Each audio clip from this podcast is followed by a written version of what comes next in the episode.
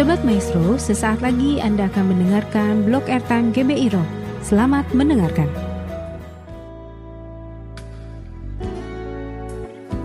Hari ini kita akan coba melihat, merenung, mengkaji satu topik yang saya pikir penting tentang memuridkan generasi ini, memuridkan generasi. Jadi bagaimana kita terlibat sebagai umat, sebagai gereja, sebagai bagian daripada uh, umat Allah yang ada di Indonesia terlibat di dalam pembinaan pemuridan ini.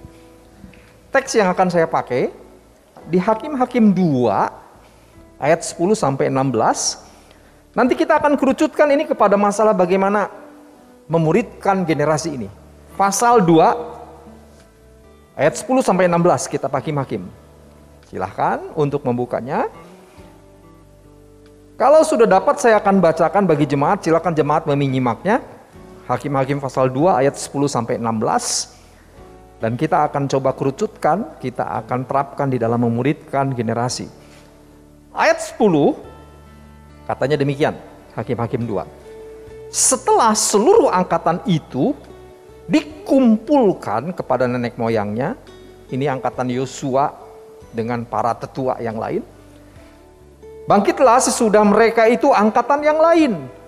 Next generation. Yang tidak mengenal Tuhan ataupun perbuatan yang dilakukannya bagi Israel. Ini kenyataan yang diungkapkan ayat 10. Ayat 11, lalu orang Israel melakukan apa yang jahat di mata Tuhan dan mereka beribadah kepada para Baal. Mereka meninggalkan Tuhan, Allah nenek moyang mereka yang telah membawa mereka keluar dari tanah Mesir.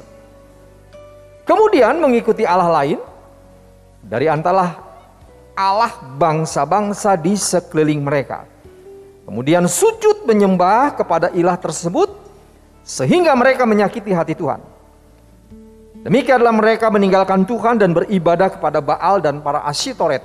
Ini ilah yang disembah mereka Ayat 14, maka bangkitlah murka Tuhan terhadap orang Israel.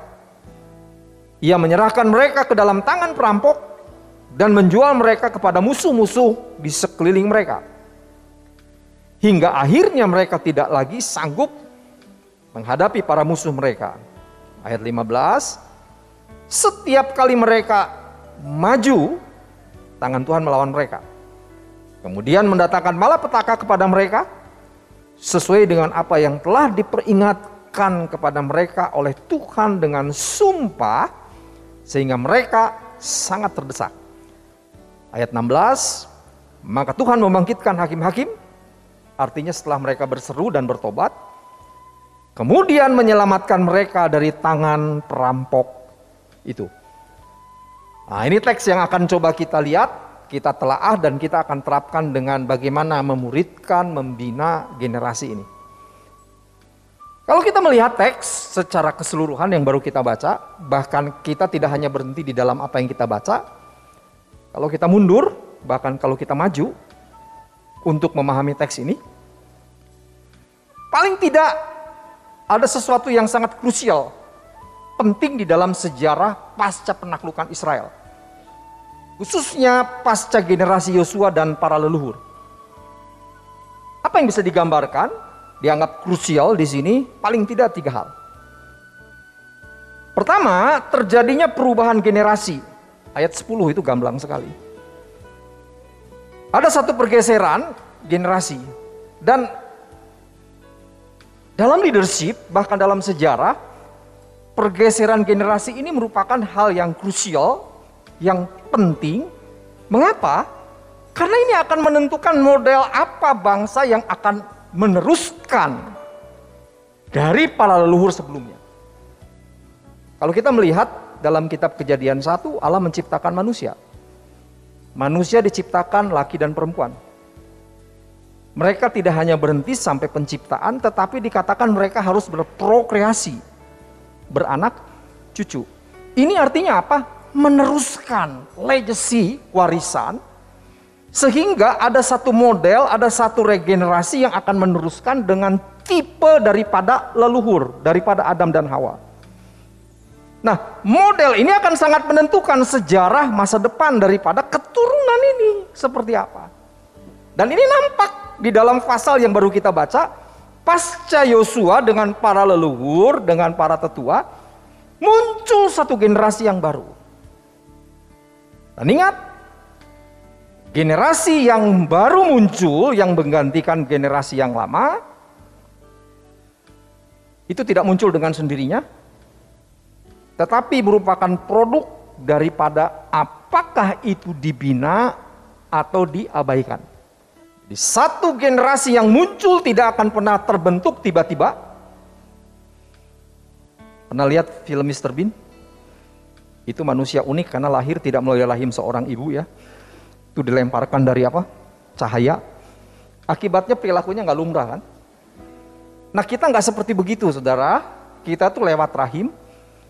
Seorang bijak mengatakan kita bisa dilahirkan di mana saja Maaf kalau saya bicara agak kasar. Bisa di kolong jembatan, bisa mungkin di rumah sakit, tetapi kita tidak bisa, tidak harus dibina di dalam satu keluarga. Karena itu akan menentukan model apa nanti. Nah, Israel menghadapi yang seperti begini. Ada pergeseran. Nah, generasi yang muncul ini merupakan generasi yang tidak tiba-tiba tetapi dibentuk bisa karena pengabaian, tapi bisa dengan pembinaan. Kalau dalam zaman sekarang bicaranya itu pembinaan secara masif, sistematis, dan kontinuitas katanya begitu. Nah itu poin yang pertama. Yang muncul di dalam teks itu gak usah kita pakai kayak keran begitu ya lihat di teks ada tuh gamblang tuh ayat yang ke-10. Nah pertanyaannya sekarang kalau ada pergeseran generasi, itu model generasi seperti apa yang selanjutnya muncul? Ini yang dalam poin yang kedua, yang butuh kita melihat secara lebih serius. Karena teks mengungkapkan poin yang kedua munculnya satu generasi yang dituliskan oleh narator. Penulis kisah dari hakim-hakim, itu generasi yang buruk. Ayat 10 sampai 13 itu digambarkan keburukannya. Bagaimana digambarkan keburukannya? Teks mengungkapkan katanya generasi ini generasi yang tidak mengenal Allah. Pernah kebayang nggak ya Yosua itu seorang legendaris menaklukkan tanah Kanaan dan itu pasti dikenal itu. Tetapi ada satu generasi yang tidak mengenal tuh perbuatan-perbuatan Allah Baik ketika membebaskan dari Mesir, bahkan ketika berkarya lewat seorang yang bernama Yosua. Jadi generasi ini generasi yang tidak mengenal apa yang dilakukan Allah atas pembebasan mereka dari Mesir, umat Israel. Tapi tindakan-tindakan penaklukan atas Israel. Bahkan dikatakan ada generasi yang tidak peduli dengan Allah, yang membebaskan nenek moyang mereka, yang sudah mengikat perjanjian menjadi satu umat dan menjadikan dirinya sebagai Allah mereka. Bahkan generasi ini bukan hanya tidak mengenal, mereka membelakangi Allah yang sering kali disebut dengan Adonai atau YHWH. Lalu dengan sukarela mengambil ilah-ilah Kanaan. Disebutkan di sini Baal dan Asitoret. Baal dan Asitoret itu merupakan dewa kesuburan. Jadi mereka bisa menikmati berkat di Kanaan seakan-akan ini berkat Baal dan Asitoret, dewa kesuburan, memberi hujan. Bukan lagi Allah yang membebaskan dari Kanaan tadi. Di sini kita bisa memahami dengan baik munculnya satu generasi itu karena yang pertama dibina dengan baik atau diabaikan begitu saja. Masih ingat penekanan Taurat khususnya pasal 6 kitab ulangan. Ingat, ajarkan ke mereka, ingatkan kepada mereka, ajar mereka untuk melakukan. Berarti Torat mengajarkan untuk melakukan satu pembinaan yang masif di mana dimulai dari keluarga. Ikatkan itu pada kepala, pada tangan, Waktu engkau di ladang, waktu engkau di rumah, itu masalah rumah tangga, keluarga. Ingatkan ini, bina. bahwa Allah adalah Allah yang sudah membebaskan engkau. Kalau satu kali muncul satu generasi yang tidak kenal Allah dengan perbuatannya, saya hanya bisa menyimpulkan satu. Berarti ada satu mata rantai yang terlepas tidak melakukan pembinaan sehingga menghasilkan satu generasi yang tidak pernah mengenal apa yang dilakukan Allah.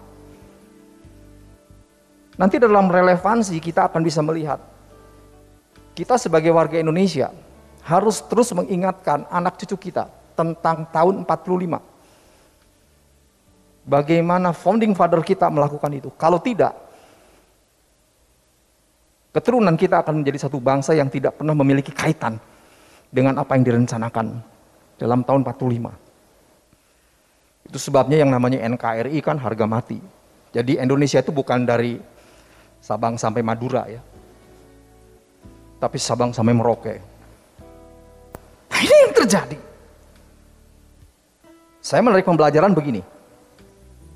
Ketika satu generasi tidak dibina, tidak ditanamkan value, jangan salahkan kalau mereka mengambil value dan nilai dari ada yang di sekitarnya. Kalau kita sebagai keluarga tidak menanamkan sesuatu kepada anak kita, jangan salahkan anak kita kalau mereka memetik nilai daripada nilai yang di luar keluarga kita. Itu sebab yang namanya pembinaan itu harus dilakukan dengan baik. Dan ini apa yang terjadi di dalam Israel. Mereka kehilangan pemahaman ini sehingga mereka dianggap sebagai satu bangsa yang buruk. Hari ini dikenal dengan yang namanya korporat kultur ya. Korporat kultur itu semacam satu kultur yang ada di satu perusahaan dan itu menjadi ikon. Menjadi ikon daripada perusahaan tersebut. Kalau orang memangnya sekarang kerja di Google, orang itu akan di training sehingga pola pikirnya itu pola pikir Google.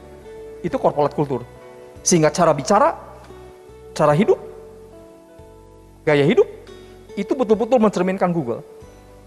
Kalau orang masuk umpamanya ke perusahaan Sony ya di Jepang, mereka akan diajarkan tentang masalah kultur Sony. Sehingga waktu mereka masuk di perusahaan tersebut, mereka tidak menciptakan nilai dan kultur yang lain. Itu yang terjadi. Satu kultur. Dan itu menjadi habit bagian daripada gaya hidup orang tersebut. Ketika Israel mengalami yang namanya pergeseran generasi, nampaknya kultur ini tidak diajarkan. Saya masih ingat, enam tahun yang lalu atau tujuh tahun yang lalu kami melakukan diskusi pemahaman Alkitab hampir satu tahun, belajar dari satu buku tentang Rich Carlton Hotel. Kenapa hotel itu menjadi hotel yang paling unggul di dunia tuh? Waktu kami pelajari, waduh cara mereka membangun kulturnya. Hmm, saya terkesima ketika satu kali, karena di sana tuh kalau parkir itu akan ditangani oleh valet, valet. Dan yang menarik, ada satu orang yang senang dengan minuman tertentu. Waktu dia parkir, dia serahkan kuncinya. Besok pagi waktu dia mau pulang keluar dari kantor tersebut, dia terkejut karena di dashboardnya udah ada minuman yang dia sukai. Nampaknya memang dari tukang parkir sampai yang namanya obi, di training harus memberikan perhatian. Apa yang menjadi kesukaan tiap tamu. Sehingga mereka bukan hanya menjadi tamu, tetapi menjadi langganan. Dan sampai diperhatikan yang begitu. Uh, saya bilang hebat benar yang begitu dan katanya diberikan dana-dana khusus untuk mereka melakukan tindakan-tindakan yang seperti itu. Nah itu kultur. Excellent. Kelihatannya Israel kehilangan masalah ini. Dan ayat 14 sampai 16 sebagai poin yang ketiga adalah sikap Allah atas generasi yang buruk ini. Apa yang menjadi sikap Allah? Dua. Dia menghukum atau membebaskan. Dari kitab Yosua sampai kitab Raja-Raja, umat Israel diikat menjadi umat perjanjian. Itu sebabnya dalam kitab ulangan, di dalam pasal 27-28 dihadapkan tuh kepada mereka. Kutuk dengan berkat. Kalau engkau ingkar terhadap perjanjian, aku akan hukum. Itu karena kekudusan Allah. Tapi kalau engkau melakukan, aku akan memberkati engkau. Dan di sini dikatakan Allah menghukum mereka. Tetapi ketika mereka bertobat, Allah membebaskan mereka. Secara gamblang, kalau saya ungkapkan, Pasal ini terjadi yang namanya pergeseran. Satu pergeseran memunculkan satu generasi yang baru. Generasi ini penting. Kalau tidak dibina, abai dalam membina, akan menjadi buruk. Dan ketika generasi ini bersikap buruk, alam hukum mereka. Tetapi kalau mereka bertobat, memegang kembali nilai-nilai tersebut, Allah akan bebaskan mereka. Oke, sampai di sini kita sudah memahami latar belakang daripada teks tersebut. Relasinya dengan kita sekarang bagaimana? Relevansinya bagaimana dengan kita? Saya rasa kalau kita cukup memiliki mata yang terbuka, apa yang terjadi dalam peristiwa kita hakim-hakim tidak berbeda jauh dengan peristiwa sekarang. Paling tidak kalau saya berargumen umpamanya hari ini kita sedang berhadapan dengan satu generasi yang baru bukan? Kita hidup dalam satu Z generation bukan? Sebagai lanjutan daripada generasi milenium. Percayalah kita sedang menghadapi satu generasi yang baru. Tetapi dengan munculnya generasi baru ini kita berhadapan dengan perubahan masyarakat hari ini loh. Berkali-kali kita dengar bahwa kita hidup dalam satu industri 4.0 ya dengan society 5.0. Apa maksudnya? Hari ini kita hidup berkelindan dengan teknologi. Itu industri 4.0. Big data, cloud. Di mana-mana pakai cloud sekarang. Dulu orang kalau kehilangan laptop setengah mati loh. Datanya di hard disk. Hari ini hanya hilang laptopnya karena datanya di cloud. Perusahaan semua data di cloud. Sehingga kalau ingin mengetahui perusahaan, walaupun ada di belahan bumi yang lain, tinggal pakai cloud. Teknologi dengan basisnya cloud, memakai komputer, itu masuk dalam masyarakat sehingga menciptakan society 5.0, 5.0. Akibatnya apa? Muncul satu dunia baru yang sering kali disebut dengan virtual world. Muncul warga negara baru, bukan lagi warga negara citizen tetapi net citizen. Oh, Muncul satu negara yang lebih besar daripada negara Tiongkok namanya Facebook. Betul kan? Tapi kalau ditanya Facebook tuh ada tuh nggak ada. Kita bilang ada, suruh tunjukkan, nggak tahu. Paling di bawah laptopnya, tuh Facebook. Itu ada nggak ada. Hanya itu itu realita yang kita jalani sekarang. Sehingga teknologi itu merupakan bagian kita. Ketika munculnya satu generasi dan dihantam dengan pergeseran yang seperti begini, masyarakat 5.0 ini menghantam segala lini kehidupan. Hari ini yang disebut dunia realita itu apakah yang bisa kita pijit ini? Ataukah yang di virtual itu? Dulu orang kalau mau berhubungan ya, terkoneksi itu membutuhkan yang namanya telepon. Hari ini yang dibutuhkan sosmed. Telepon kan hanya satu-satu. Kalau sosmed bisa satu dengan seribu orang loh. Ada broadcast dan yang lain-lain. Nah, ini membuahkan pergeseran-pergeseran di dalam masalah nilai, agama maupun kultur. Mana ada dulu ibadah pakai online? Dulu mana ada belanja online? Rubah dalam kultur. Dulu benar atau salah tuh bisa dilihat. Pemimpin yang benar itu kalau kita bergaul tahu nilainya benar atau enggak. Tapi hari ini di dalam dunia virtual yang baik jadi buruk, yang buruk jadi hai. Dalam dunia virtual, yang salah kalau disuarakan ratusan kali itu akan dianggap benar. Tapi yang benar tidak disuarakan dianggap salah. Dalam kondisi yang seperti ini, maaf, saya harus bicara. Seringkali kita abai dalam membina, menerapkan, menanamkan value kepada generasi ini. Anugerah Pekerti seorang ahli leadership mengatakan hari ini kita menghadapi kegagalan di dalam regenerasi. Itu ungkapan dia. Apakah dalam marketplace dan dalam bidang yang lain hampir rata-rata tidak peduli dengan masalah ini. Nah kalau begitu bagaimana praksis tindakan yang harus kita ambil? Pertama, discipleship, pemuridan, itu keniscayaan, bukan opsi, bukan pilihan bukan pilihan. Itu mas harus. Kita tidak bisa berlepas tangan. Itu tanggung jawab kita. Jangan mengkritik munculnya satu generasi yang buruk kalau kita tidak pernah berkontribusi melakukan pembinaan atas generasi ini. Hanya mereka yang pernah berkontribusi terlibat sekecil apa pun. Orang seperti itu bisa memberikan masukan. Setiap kita sebagai warga gereja, sebagai bagian daripada keluarga, kalau dalam lembaga pendidikan sebagai bagian daripada pendidikan, kalau di marketplace sebagai bagian daripada orang di marketplace, sangat strategis untuk menanamkan nilai-nilai value daripada kerajaan Allah. Sangat tidak baik kalau kita berpangku tangan, melepas tangan, membiarkan pembinaan kepada nilai-nilai yang asing. Dan saya rasa prinsip di dalam kitab hakim-hakim ketika generasi ini abai tidak dibina, maka mereka akan tumbuh mengambil nilai yang ada di sekitar mereka. Dan kalau itu sudah mencengkram menjadi habit, kultur, korporat, kultur mereka, jangan salahkan. Dan ini merupakan bagian tanggung jawab daripada kita. Kita harus melakukan ini dengan lebih terbuka. Sehingga kalau orang yang hari ini terlibat di dalam pembinaan pemuridan, gereja yang terlibat dalam pembinaan pemuridan. Yang saya maksudkan pemuridan dalam arti seluas-luasnya ya, bukan hanya melakukan dalam kelompok kecil.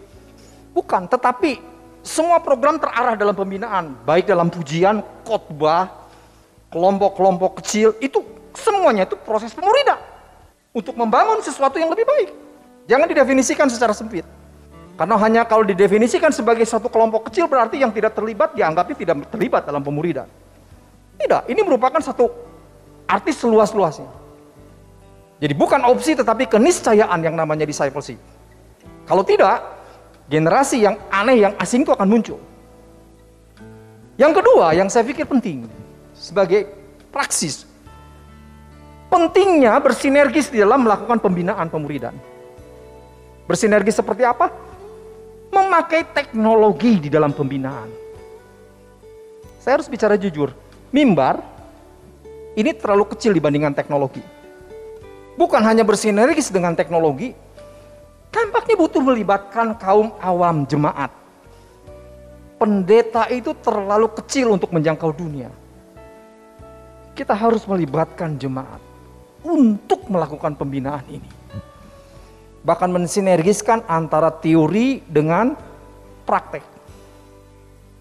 Ada prinsip yang mengatakan begini, tunjukkan kepada kami maka kami akan melakukan hal yang sama. Berikan kami teori artinya dan tindakan. Kami akan melihat dan kami akan melakukan hal yang sama.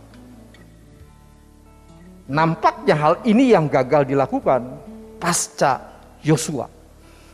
Pasca para tetua. Sehingga mereka tidak punya model, tidak punya figur, tidak memiliki pegangan, dan nampaknya ketika nilai-nilai kanaan dirasa lebih nyaman, lebih mengena, mereka ambil. Saya pikir waktunya untuk gereja terbuka dengan teknologi. Dan yang ketiga, partisipasi. Saya pikir tidak cukup hanya memahami generasi ini. Tetapi butuh untuk kita apa? Terlibat juga dalam generasi. Tanggung jawab membina generasi ini di dalam pundak kita terlibatlah sekecil apa pun. Amin.